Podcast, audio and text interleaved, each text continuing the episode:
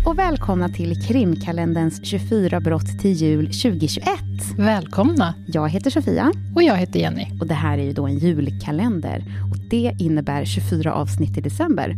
Från den första ända fram till julafton. Mm. Och vårt Instagramkonto, krimkalendern, ska ni absolut följa. Och där kommer vi nämligen lägga upp bilder som har med alla fall att göra. Och ni får gärna stötta oss genom att registrera er på vår Patreon-sida. Där får du ett bonusavsnitt per månad de månader vi inte gör ordinarie avsnitt.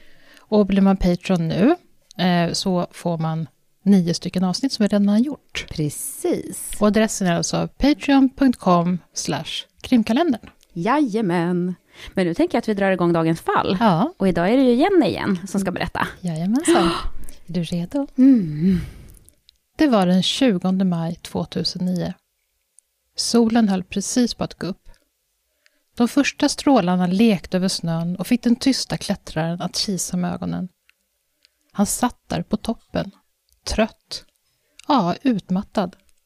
På vägen upp under toppförsöket hade han ramlat vid passet som heter The Hillary Step, en närmast vertikal klippa 12 meter hög. Det var bara 58 höjdmeter kvar till toppen vid det här laget. Men det kunde lika gärna varit tusen. Varje steg hade känts som det sista han skulle orka i livet. Under fallet hade han brutit handen på flera ställen, men det tänkte han inte på nu. Hur skulle han kunna tänka på det när han satt här? På den högsta fasta punkten på jorden. 8848 meter över havet. Han kunde se ut över både Nepal och Tibet. Snart var det dags att skynda tillbaka neråt innan höjden tog ut sin rätt och han inte skulle klara sig ner. Men än så länge kunde han sitta en stund till och njuta. Han hade aldrig känt sig så levande som nu. Michael James Marin föddes den 2 december 1958 i Oak Harbor i Washington State på västkusten. Eh, Det ligger norr om Seattle. Mm. Michaels familj var medlemmar i The Church of Jesus Christ of Latter-day Saints. Det gick bra för Michael i skolan. Särskilt i matematik visade han stor talang. Det fanns nästan inget komplext algebraiskt problem som han inte kunde lösa. Michaels djupa tro fick honom att välja Brigham Young University, som är sponsrad av just The Church of Jesus Christ of Latter-day Saints. På universitetet träffade han en kvinna vid namn Tammy Gunderson och de föll för varandra. Snart var de gifta. Som en del av Michaels utbildning ingick det att missionera. Michaels mission tog honom till Japan, där han lärde sig prata, där han lärde sig prata flytande japanska. När han väl var hemma i USA igen började han på Yale, där han pluggat juridik. Vid hans sida i Japan under studierna hade han Tammy. De välkomnade sitt första barn och det skulle komma fler. 1987, 29 år gammal, var Michael redo att ta provet för att få advokatlicens. Hans år på Yale hade förberett honom. Han kunde inte göra mer nu, han var redo. Många fick skriva det här provet mer än en gång för att bli medlemmar i advokatsamfundet. Men Michael visste att han inte skulle behöva det. Michael var inte en man som misslyckades. Och han hade rätt. Michael satte provet med glans på första försöket. Nu låg världen öppen framför honom. En ny del av hans liv var på väg att börja. Han skulle välja karriär. Och vad han valde skulle inte bara påverka honom, det skulle ju påverka hela hans familj, Tammy och deras barn. Han och Tammy hade långa samtal i soffan på kvällarna om vad som var bäst för familjen och vad som skulle vara stimulerande för Michael. Det fanns så många alternativ för en välutbildad jurist som dessutom tagit examen från en av de absolut mest prestigefulla universiteten i världen. Han kunde arbeta på en advokatbyrå och åta sig privata klienter av olika slag, som brottsmålsadvokat. Han kunde arbeta för regeringen som rådgivare. Han kunde fortsätta sin utbildning och bli åklagare. Men Michael lockades av affärsvärlden. Han blev erbjuden och tackade ja till en anställning på ett stort företags juridiska avdelning i Japan. Redan innan han missionerade i Japan så hade Japan varit ett land som fascinerade honom. Och efter att ha tillbringat tiden som missionär där och lärt sig språket intresserade landet och kulturen honom möjligt ännu mer. Och eftersom Tammy bott där och också trivdes så gav hon tummen upp. Och de ångrade sig inte. Michael och hans familj trivdes. Och det höga tempot i affärsvärlden det passade Michael. Men efter ett tag vek han av från det juridiska och började istället använda sitt matematiska sinne som investerare. Han arbetade på bankerna Merrill Lynch, Salmon Brothers och Lehman Brothers. Och precis som i hans förra jobb lyckades han utmärkt. De här tre bankerna är förresten, de har ju gått i konkurs allihopa Mm. i den här stora bankkrisen. Ett tradingjobb innebär ofta att handlaren får provision på sina vinster. Så Michael byggde snabbt upp en egen förmögenhet. Pengarna han tjänade använde han till ett av sina stora intressen, som var att resa. Han reste runt mycket i Asien. Oftast rabattrika resor. Bland annat åkte han oskyldig, säger han i alla fall, fast i ett drogtillslag i Malaysia. Han satt häktad och blev torterad av den malaysiska polisen innan han till slut släpptes fri. Han hamnade också vid ett tillfälle mitt i en brand som han var tvungen att hjälpa till att bekämpa tillsammans med brandkåren i Kambodja. Och mycket, mycket annat. Och här kanske du tänker att Michael helt enkelt är en sån där person som fabulerar för att försöka göra sitt liv liksom mer intressant. Mm. Men faktum är att de flesta av hans resor och äventyr är dokumenterade. Det finns både foton och filmer. Mm. Men det man kan konstatera med tanke på alla resor är att Michael verkar ha haft rätt mycket egen tid. Han re- reste själv Han alltså. reste själv. Mm. Men många har även beskrivit honom som en liksom, riktig familjefar. En riktig hönspappa tydligen. Mm. Vill du se hur han ser ut? Ja. Mm. Jag tycker att han ser väldigt glad ut, livsglad. Han har lite så här glittrande ögon. Mm. Eller så är det för att jag vet den här historien. Så kan det vara också. Nej, men jag är redo att hålla med. Vid det här laget hade han och Tammy fått fyra barn. Men äktenskapet hade börjat knaka i fogarna. Och 1992 lämnade Tammy Michael efter 12 års äktenskap, var de fyra sista i Japan. Hon och barnen flyttade tillbaka till USA Oj. och flyttade till Phoenix. Mm. Åren gick och Michael fortsatte vara framgångsrik i sitt jobb, alltså fortfarande i Japan. På fritiden fortsatte han att resa. Han tränade mycket och han älskade att klättra i berg. Han åkte ofta till USA och hälsade på sina barn. Till och från dejtade han, men inget förhållande varade särskilt länge. I slutet av 90-talet bestämde han sig för att flytta tillbaka till USA. Han saknade sina barn. Och han var så trött på finansvärlden. Han hade faktiskt börjat avsky den. Han bestämde sig för att skriva en bok om sina erfarenheter. Och jag har hittat den här boken. Eh, den finns på Amazon. Men den är just nu slutsåld, står det. Mm. Och den har inte så jättebra liksom, recensioner. Den har 2,5 poäng av 5. Mm. Boken heter How Wall Street Fucked Asia Without a Kiss. Oj. Eh, Det är svårt att översätta det. Ja. Men helt enkelt att Wall Street har förstört för Asien. Deras, Mm. Wall Street har sabbat Asiens ekonomi. Mm. Michael skräder inte orden i boken. Med ett ganska profant språk och med högst personliga åsikter om händelser och personer gör han det han kan för att bli persona non grata i finansbranschen. Kollegor och andra bekanta som var omnämnda i boken på ett mindre smickrande sätt kanske skulle hota och stämma Michael för förtal. Men Michael förekom dem genom att på första sidan i boken skriva att det kunde de absolut göra om de ville. Men då skulle han gå ut i tidningarna med allt han visste om dem, om deras Mm. älskarinnor och otrohetssfärer. Och allt annat fuffens han hävdade att han kände till om dem. Det skriver han alltså på första sidan? Ja. Mm. Kaxigt. Ja, eller hur? Och han, dessutom, han hintade även om att han hade vapen och var utbildad och visste hur man använde dem. Oj, men det är Mm. ju nästan ett hot. Ja. Men det kom i alla fall inte in några stämningar för förtal. Och den här boken, den är inte utgiven på något förlag. Han gav ut den själv. Och frågan är om det berodde på att inget förlag ville ge ut boken. Eller om han gav ut den själv för att kunna ha total kontroll över boken. Kunna använda vilka ord och svordomar han ville liksom. Mm. Och han hade liksom ingen redaktör som sa stopp, stopp, stopp. Just Så. det. Eh, Michael var sin egen redaktör. Han ville vara projektledare i sitt eget liv. Ingen annan skulle få bestämma över honom. Michael arbetade aldrig mer inom finansbranschen. Hans bok satte stopp för det. Och det visste han. Det var någonting han räknade med och välkomnade. Han hade börjat känna avsmak för det han ansåg var en ytlig bransch som bara handlade om att köpa och sälja och inte producera eller göra något värdefullt. Han ville aldrig mer ha med finansbranschen att göra. Michael slog sig ner i Gilbert i Arizona och det ligger tre mil från Phoenix där hans exfru och barnen bodde. så nu bodde han nära. Han hade under alla år fortsatt att leva ett äventyrligt liv. Och ett av projekten han hade på gång var att bestiga alla kontinenters högsta berg. Mhm. Eh, som kallas för The Seven Summits-utmaningen, typ. Just Alltså de sju Ja, topparnas. Han hade bestigit Elbrus, som är Europas högsta berg, och McKinley i Alaska, Aconcagua i Sydamerika och Kosciuszko i Australien. Jag är osäker på hur det uttalas, men Ja. Åh, det vet inte jag Nej. heller. Nej. det han hade kvar var Vinson Massif i Antarktis och såklart topparnas topp, Mount Everest. Michael var inte bara ett matematiskt affärsgeni och äventyrare av rang. Han var även konstnärligt lagd. Han kunde sjunga. Faktiskt så pass att han vid ett tillfälle hade en liten roll i operan Aida, som sattes upp i operahuset i Arizona. Jaha. Ja. Den har jag sett. Inte med honom. Nej, då, men- jag har också sett den. Jag tycker om den. Han gjorde skulpturer av gips.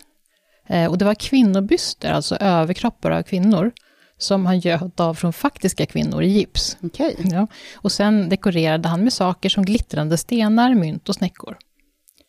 Han var även konstälskare och samlade på konst. Han hade bland annat etsningar av Picasso på väggarna. Michael Marin hade helt enkelt ett välfyllt liv. Han hade en stor familj, många vänner, många talanger och många intressen. Bilden av Michael är komplex.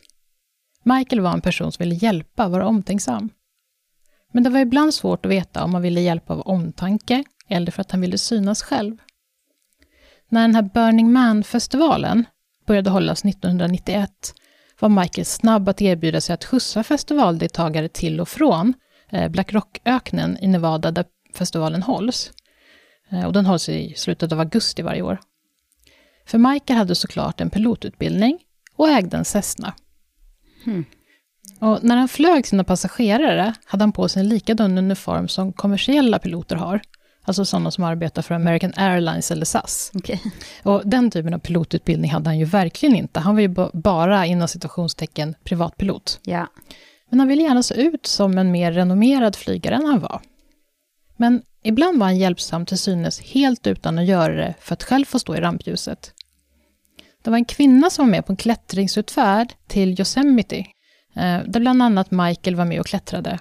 Hon ramlade och skadade sig. Hon var tvungen att mödosamt klättra ner själv från en avsats, trots sin smärtande skada. Det gick liksom inte att klättra upp och hjälpa henne ner av någon anledning. Mhm. Men Michael stannade med henne, och liksom stod nedanför, och peppade henne lugnt och mjukt hela tiden tills hon efter lång tid kämpat sig ner. Sen lyfte han upp henne i famnen och bar henne till de väntande bilarna som skulle ta dem tillbaka till hotellet. Och det här verkar liksom inte vara en kvinna han dejtade eller ville dejta, utan så att han hade liksom inga baktankar med det och han, det var ingenting han fick uppmärksamhet för heller. Men han kunde också ibland vara arrogant och överlägsen och komma med pikar till de som inte var lika smarta som han. Och han var en dålig förlorare. En riktigt dålig förlorare. Michael kunde inte ta ett nederlag. År 2000 råkade Michael köra in i en mötande personbil med sin motorcykel. Kollisionen var kraftig och Michael kastades över syret och landade en bra bit längre fram. Men det var helt uppenbart att det var Michael som bar skulden till olyckan. Polisen skickade honom en bötessedel eller bötesbiljett när han låg på sjukhuset och återhämtade sig efter olyckan. Michael blev rasande. Han höll verkligen inte med. Såklart var det inte han som orsakade olyckan. Trodde de att han inte kunde köra motorcykel eller? Mm. Mm.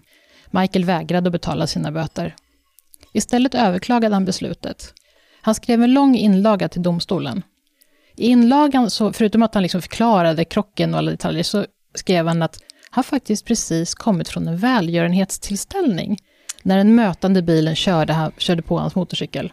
Som att det är liksom en förmildrande Eh, omständighet. Eller hur? Som att det är en förklaring till, men då kan ju inte han vara skyldig. Nej, precis. Jag som är en sån god människa, Ja, jag kan precis. inte köra dålig motorcykel. Nej. Okej. Han skrev helt enkelt att han var inte den sortens människa som krockade med andra. Han, Jag undrar vem som är det dock, Ja, eller som eller beskriver hur? sig som det. Är det en typ av person liksom som... ah. Och han skrev också att det var omöjligt rent tekniskt att han kunde vara ansvarig. Han hade nämligen tagit sitt motorcykelkörkort på en av världens mest välrenoverade körskolor. Och har man gått på en sån skola, då krockar man inte. Michael förlorade målet. Men Michael kunde inte ge sig. Han hade ju rätt. Han överklagade domen igen och fick en ny rättegång. Och förlorade igen. Michael hade gärna fortsatt att överklaga och överklaga. Det var bara det att det gick inte att överklaga längre, för han hade liksom gått hela den här... Mm. Det fanns ingen mer instans. Han var frustrerad. Vad skulle han göra nu för att upprätta sitt anseende, för att få sista ordet? Lösningen kom till honom en dag. Det var såklart helt självklart vad han skulle göra. Han hade gjort det förut. Han kunde göra det igen. Två år efter olyckan, år 2002, skrev han en bok mm. som handlade om moron drivers, alltså idiotiska förare. Där tog han upp odugliga förare och förarstilar i allmänhet och sin egen krock i synnerhet. Boken gav han ut på eget förlag, precis som den han skrivit om finansbranschen. Och jag har inte hittat vad den hette, men det stod att det var någonting i stil med Driving for Absolute Dummies. Mm. Alltså körning för totalidioter, typ. Den sålde inte särskilt bra. Men snart därefter log lyckan mot Michael igen. Han hade dejtat till och från under åren sedan skilsmässan med Tammy, men nu var det på riktigt. Vad den här kvinnan heter vet jag inte. Det verkar som att hennes namn har liksom hållits borta från, eller har skyddats på något sätt. De flyttade i alla fall ihop 2003. Och de var lyckliga. Eller? Samboförhållandet blev inte alls som de hade tänkt och bara efter några månader flyttade de isär. Allt hade varit underbart så länge de var pojkvän och flickvän. Men direkt de hade blivit sambos blev allt vardag, trist och gnatigt. Men det visade sig att exflickvännen var gravid. När barnet var fött, en flicka, vägrade Michael att skriva på faderskapet. Hur skulle han kunna veta att han var pappan? Dessutom ville han inte ha fler barn, han hade ju redan fyra. Exflickvännen, som visste att hon inte hade liksom varit med någon annan än Michael, hon stämde Michael på underhåll. Och som vanligt vägrade Michael att förlora. Även om man i det här fallet kan diskutera liksom vem som förlorar i det här fallet. Ja. Men han förhalade och överklagade och höll på i två år innan ett DNA-test till slut bevisade det exflickvännen vetat hela tiden. Det var hans dotter. Men direkt de odiskutabla bevisen hade dragits fram var det som att Michael glömde att han bara några dagar tidigare inte alls ville ha med barnet att göra. Nu öppnade han famnen för sin dotter och välkomnade henne in i familjen. Och han tog med henne för att lära känna sina halvsyskon. Och från den dagen ringde Michael flickan varje söndagskväll klockan sju, när hon inte var hos honom. Och det verkar som att hon bodde hos honom ganska ofta. Mm, mm. Så att han kan liksom vända på... Mm. Ah. Det är nästan som att han blir så här äh, enkelspårig i sitt huvud. Jag måste vinna, ja. jag måste vinna. Ja. Och sen när han inser att det går inte, och då blir han liksom, kommer kärleksfullheten fram, eller ja. vad det nu är. Ja, eh. väldigt märkligt. Ja. Tiden gick. I september 2008 köpte Michael ett enormt hus av en vän och affärspartner som fått så dålig ekonomi att huset blev utmätt av banken och skulle säljas på exekutiv auktion. Michael köpte huset delvis för att hjälpa sin vän så att huset inte skulle säljas på exekutiv auktion, för det kan liksom bli att det säljs för nästan ingenting. Mm.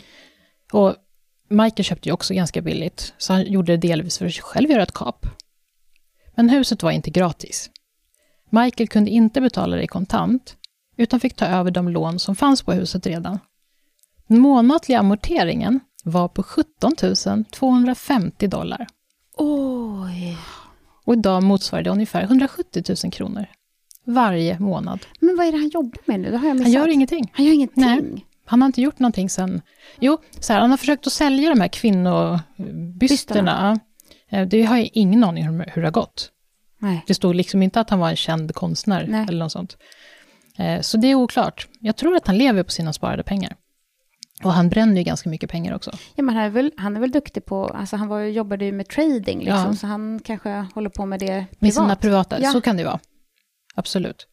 Och utöver de här 170 000 kronorna i månaden så skulle han betala en insats, eh, liksom första betalningen, på 2,3 miljoner dollar. Vilket i dagens penningvärde är ungefär 24,5 miljoner svenska kronor. Så man kan ju ana hur stort det där huset var. Ja, det också ja. ja. Michael kämpade för att få det hela att gå ihop. Hans ekonomi hade blivit sämre och på våren 2009 så gick det inte längre. Förmögenheten som han hade tjänat inom finansbranschen hade krympt under åren. Hans äventyrliga liv var dyrt och hans konstintresse också. Han insåg att han skulle bli tvungen att sälja huset. Men det var svårt att sälja ett sånt enormt hus. Målgruppen var inte särskilt stor. Men Michael var en kreativ person. Han kom på att han skulle lotta ut huset till en lycklig vinnare, som skulle vinna huset med alla lån betalda. Michael började planera. Han skulle sälja 176 000 lotter för 25 dollar styck. Och det skulle ge honom 4,4 miljoner dollar, vilket skulle räcka till att betala hela lånet och dessutom skulle det bli pengar över. Och överskottet skulle han skänka till välgörande ändamål. Jaha, ja. vilken eh, intressant idé. Ändå. Ja, eller hur? Och han beslutade att de här pengarna som blev över skulle han ge till ett kriscenter för barn. Och Michaels plan, det var inte att tjäna på affären. Han ville bara komma ur den situation han hade hamnat i med huset. Att bli av med huset och lånen.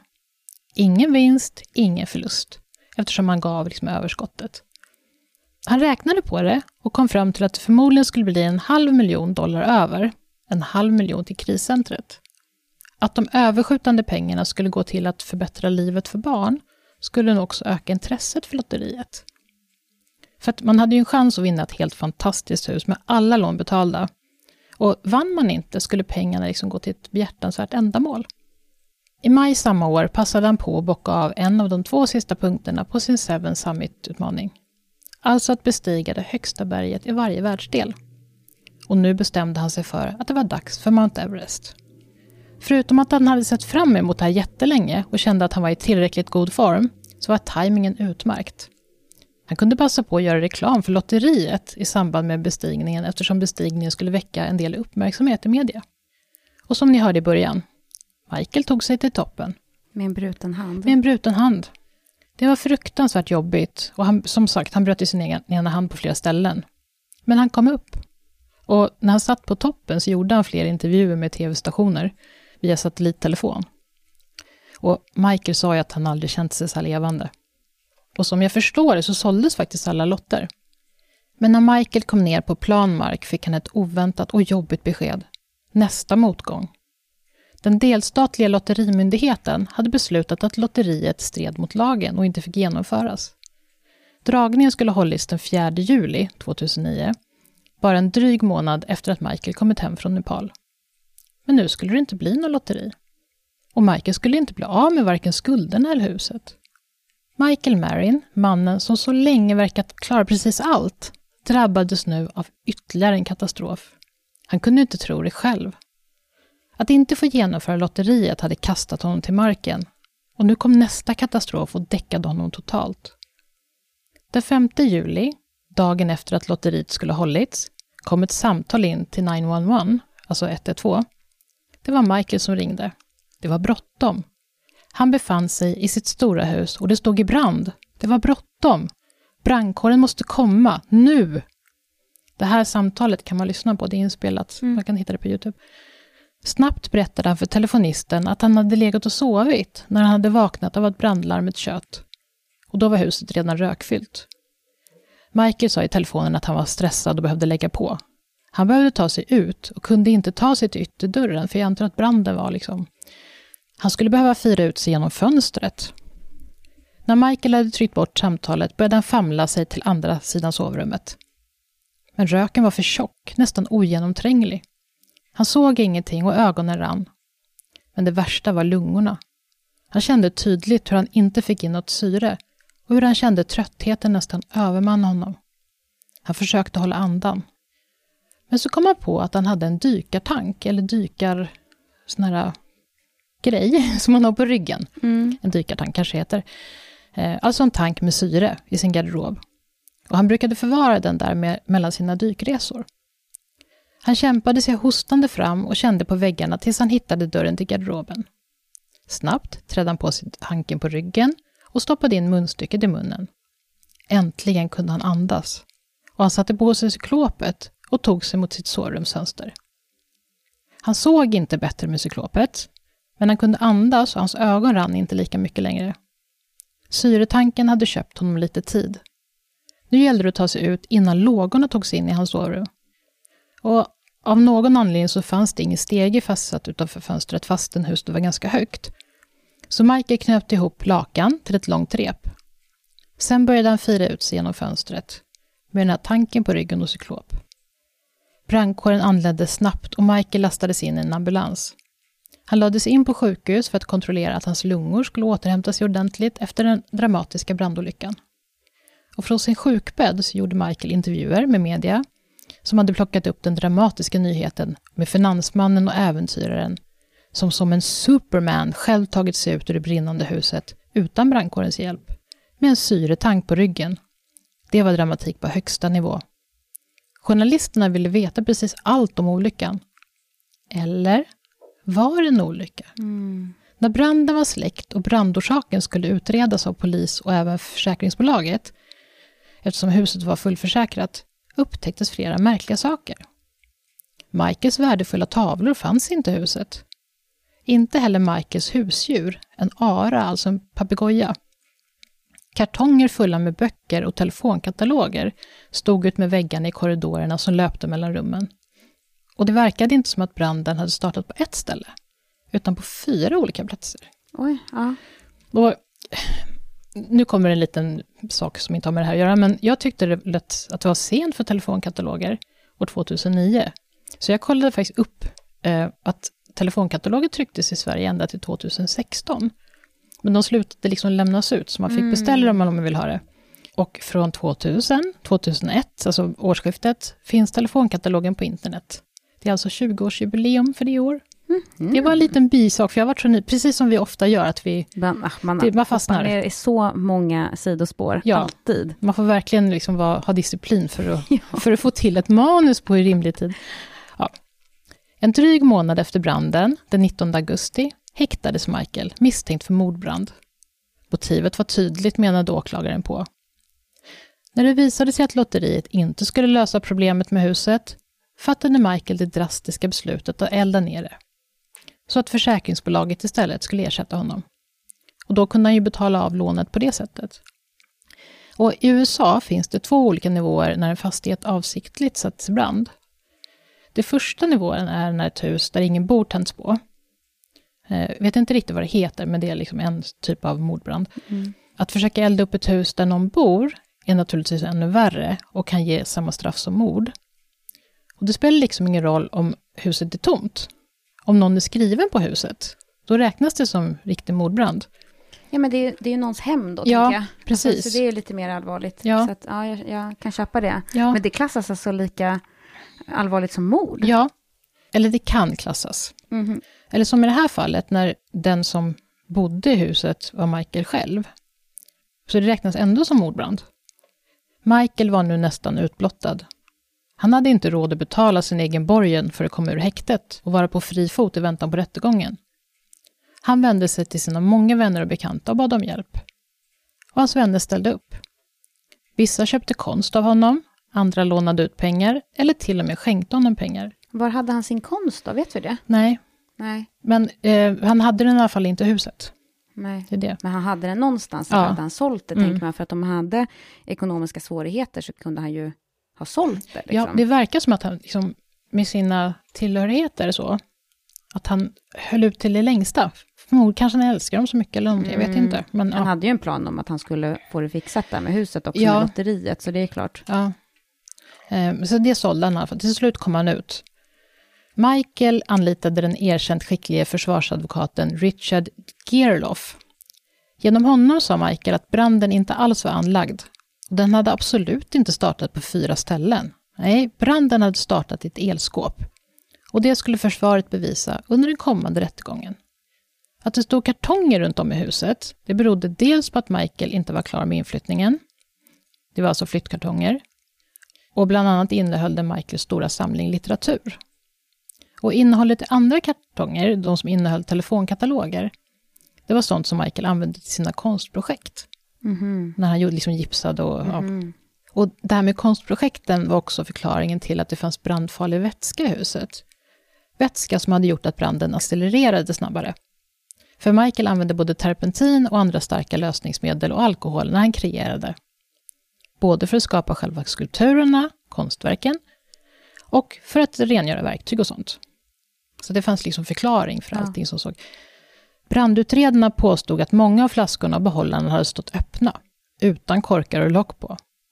Men jösses genmälde advokaten Richard Gerloff. Vem är perfekt? Michael var en väldigt upptagen och stressad man.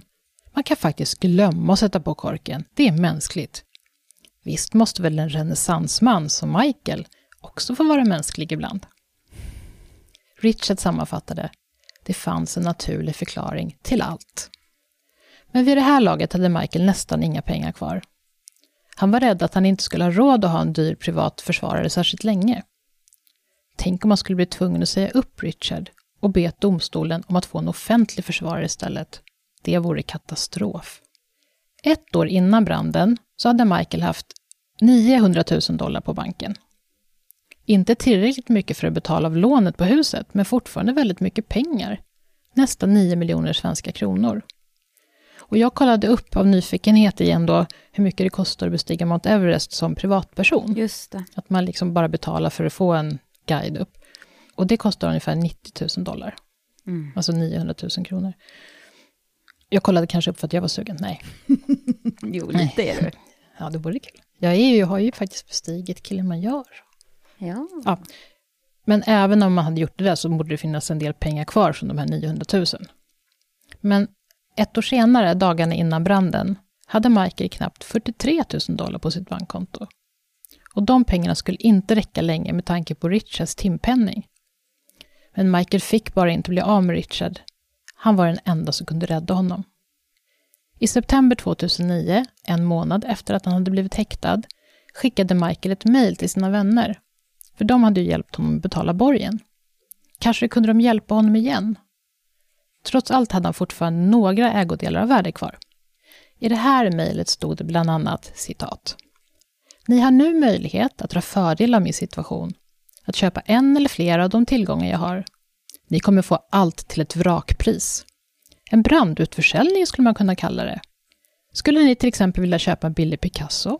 Eller ett flygplan? Han fortsatte. Jag har inga andra alternativ kvar än att sälja allt. Jag har kommit till vägs ände. Mm. Slutcitat. Och eftersom Michaels hus hade brunnit ner hade han ingenstans att bo i väntan på rättegången. Så han flyttade in till en före detta flickvän som heter Jana Bru. Jana Bru? Ja, oklart med uttalet. Jana Bru. Som han hade varit tillsammans med för 12 år sedan. Men som efter att de hade gjort slut hade blivit bästa vänner. Tiden gick. Som i så många utredningar tog det lång tid. I april 2011, ett och ett halvt år efter att Michael hade blivit häktad, var han till slut tvungen att säga upp Richard Gerloff.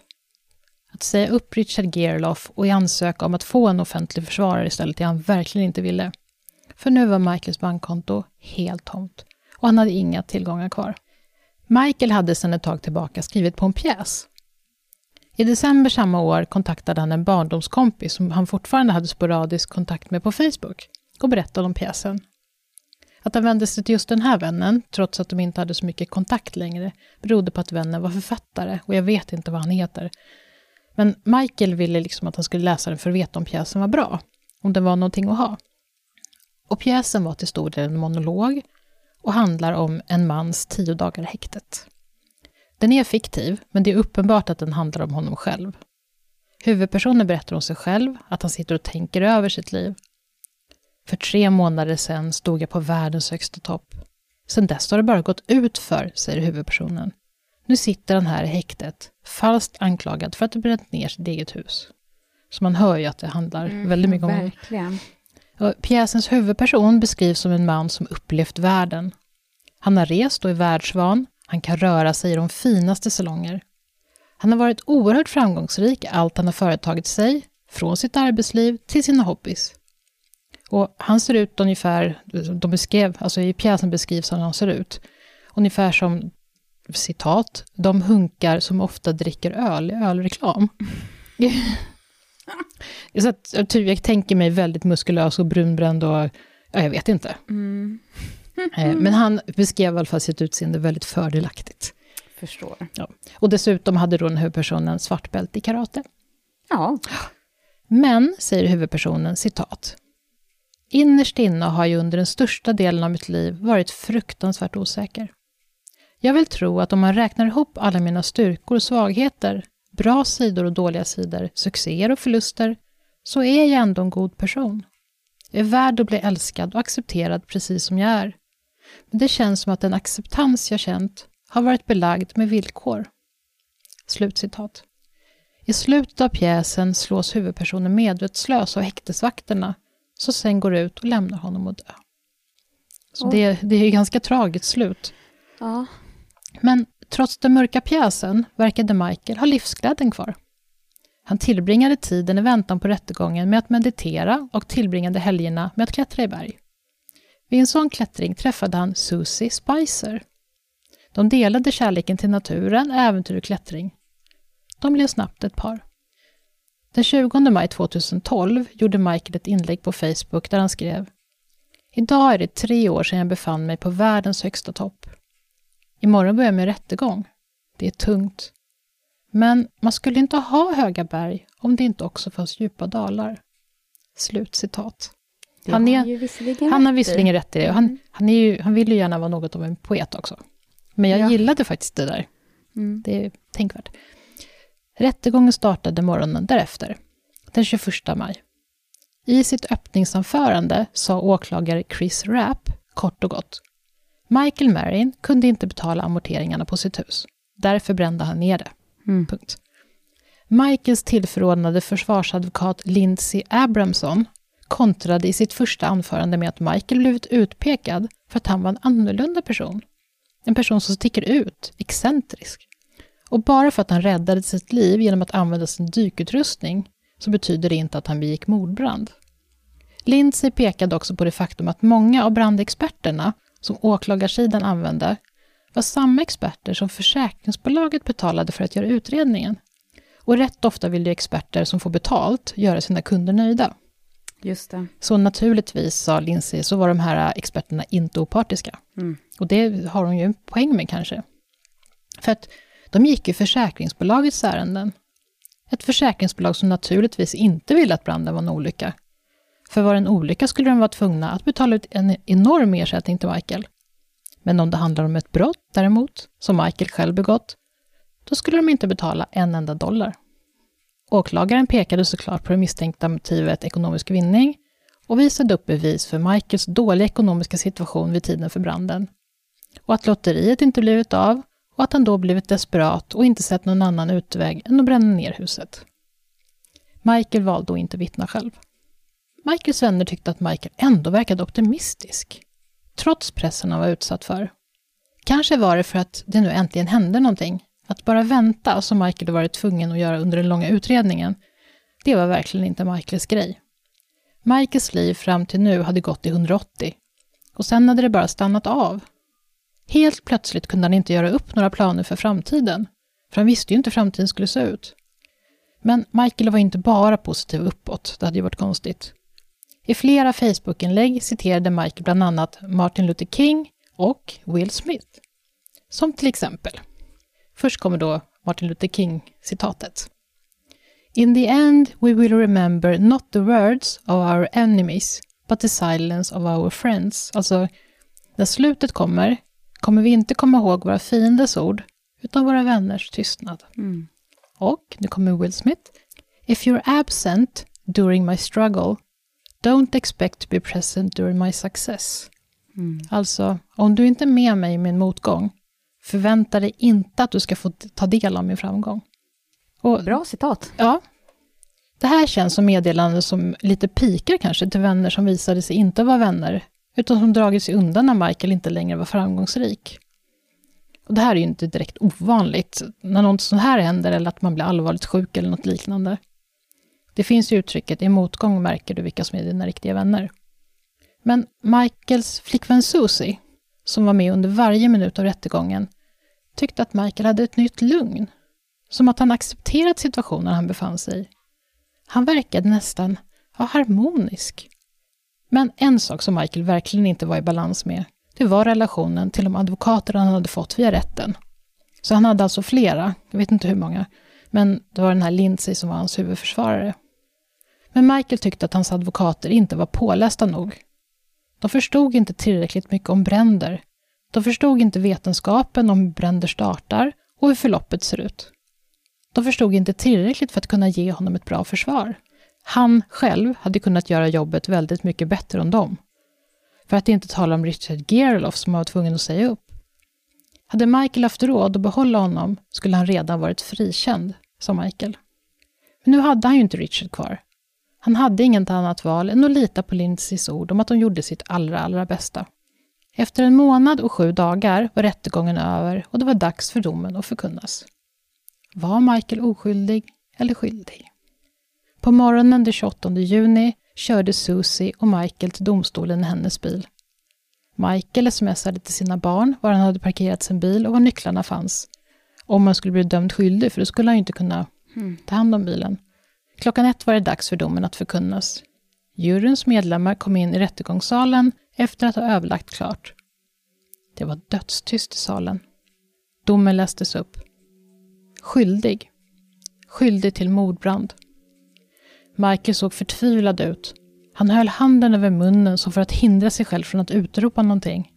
Han dolde huvudet i händerna innan han fick fattningen tillbaka och drack en klunk av den Gatorade han hade haft med sig. Det är en slags sportdryck tror jag. Ja. Domaren pratade med åklagaren och försvarsadvokaterna om när nästa del av processen skulle genomföras, så de gick liksom fram till hans bord. Eller. Michael var ju dömd skyldig, men vad skulle hans straff bli?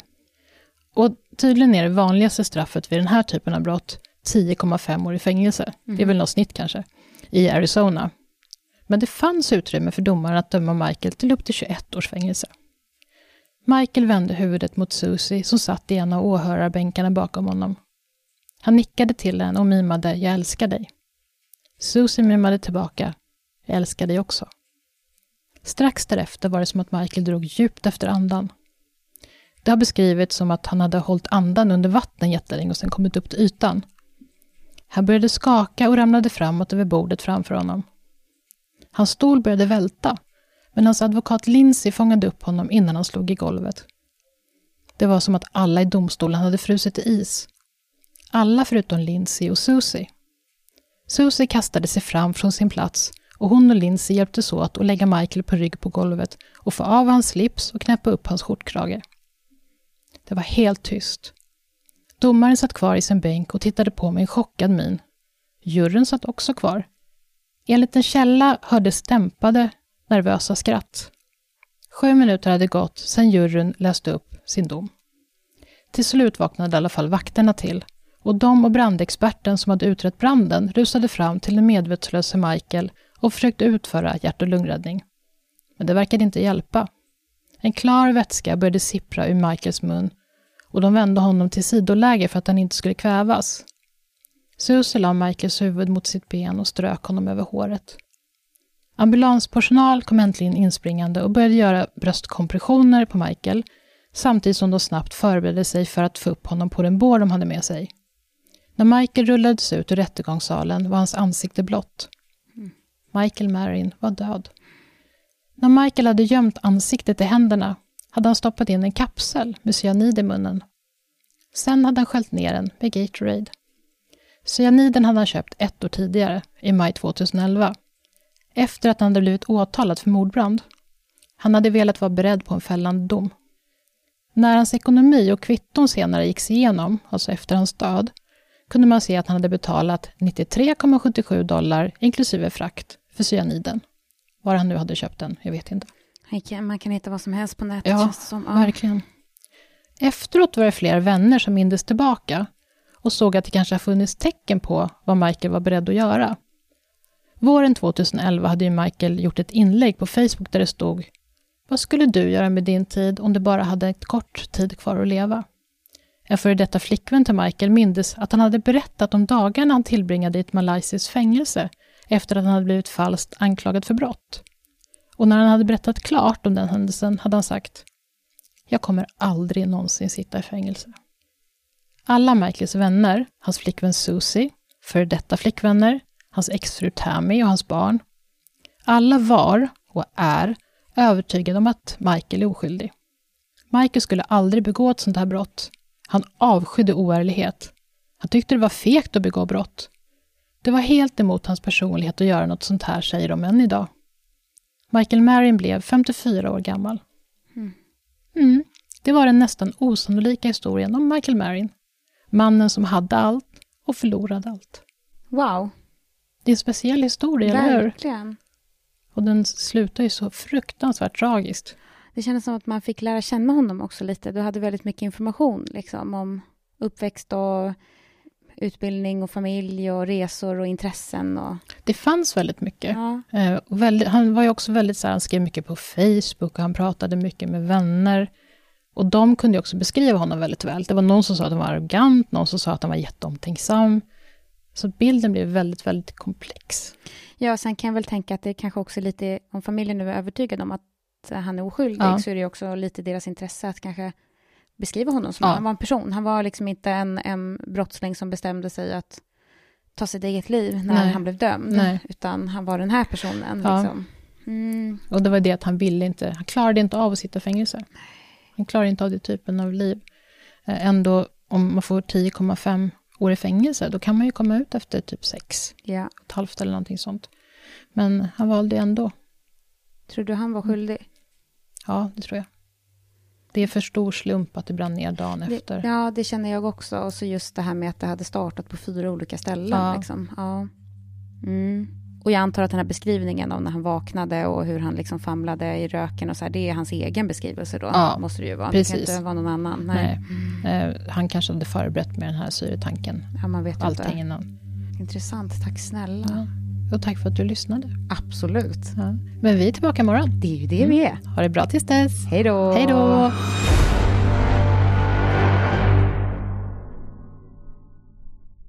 Men den är just nu slutsåld. slutsåld.